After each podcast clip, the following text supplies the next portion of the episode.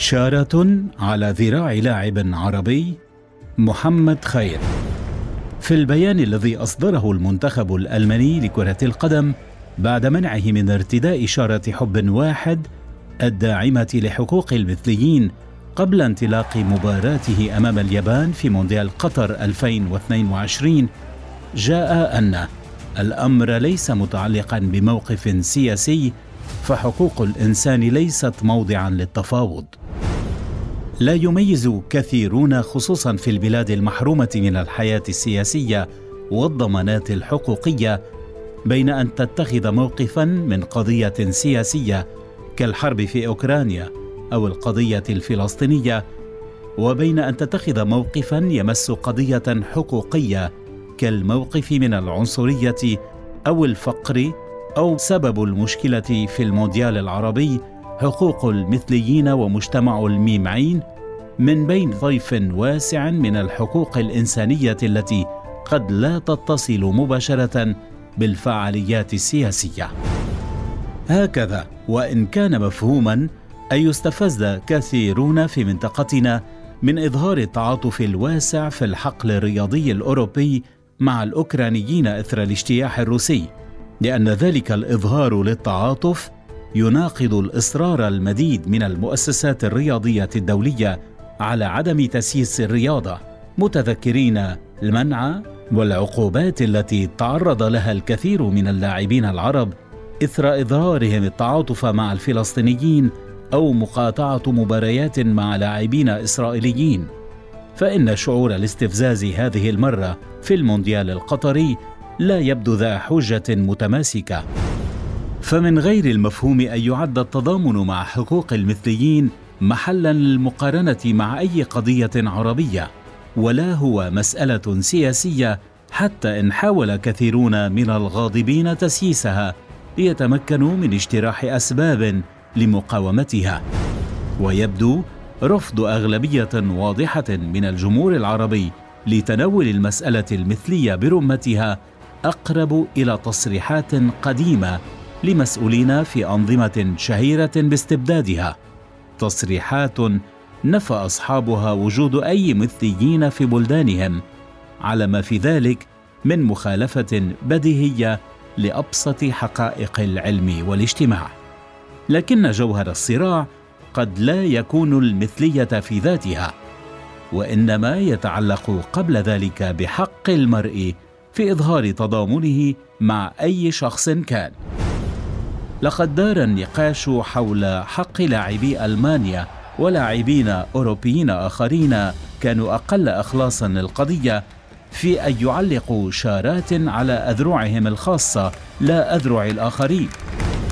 قد يبدو الصراع على الجسد ظاهريا صراعا على جسد المثليين أو ممارسي المثلية لكنه في الحقيقة امتد ليشمل الصراع على جسد اللاعبين أنفسهم والمتعاطفين بشكل عام إذ منع حتى جمهور المباريات من ارتداء أو إظهار أي إشارة ملونة ترمز إلى حقوق المثلية.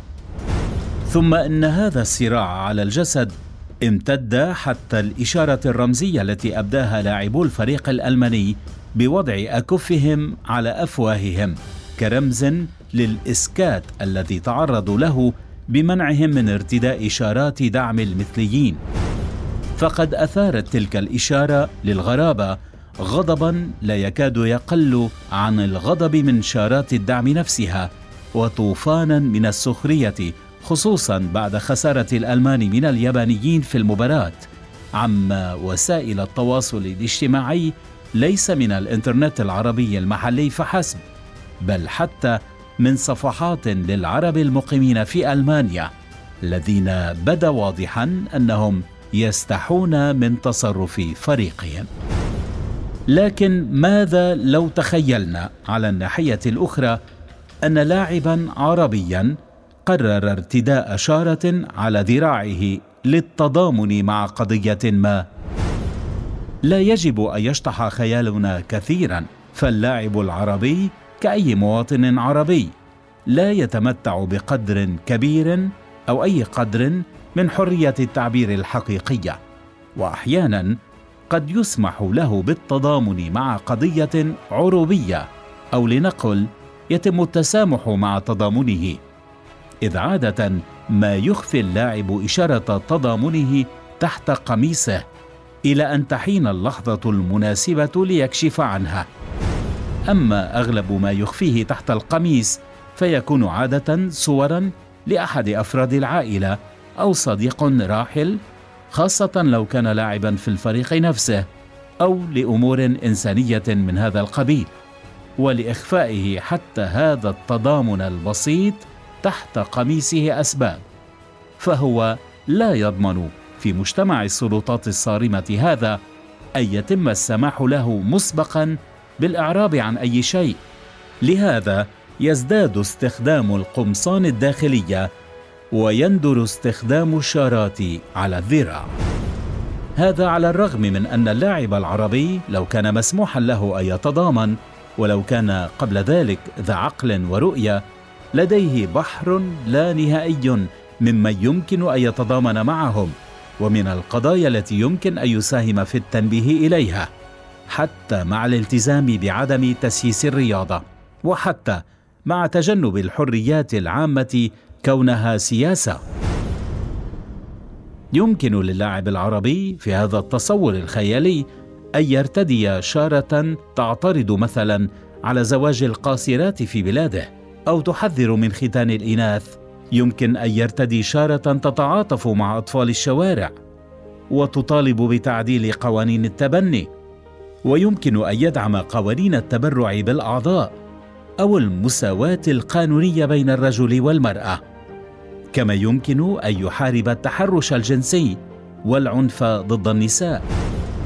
في الواقع إذا كان يمكن لهذا المشهد الخيالي أن يتحقق فإن لاعبي المنتخب الألماني سوف يحسدون اللاعبين العرب على وفرة القضايا التي تنتظرهم ليتضامنوا معها. لو كان بإمكانهم ولو كانوا يريدون.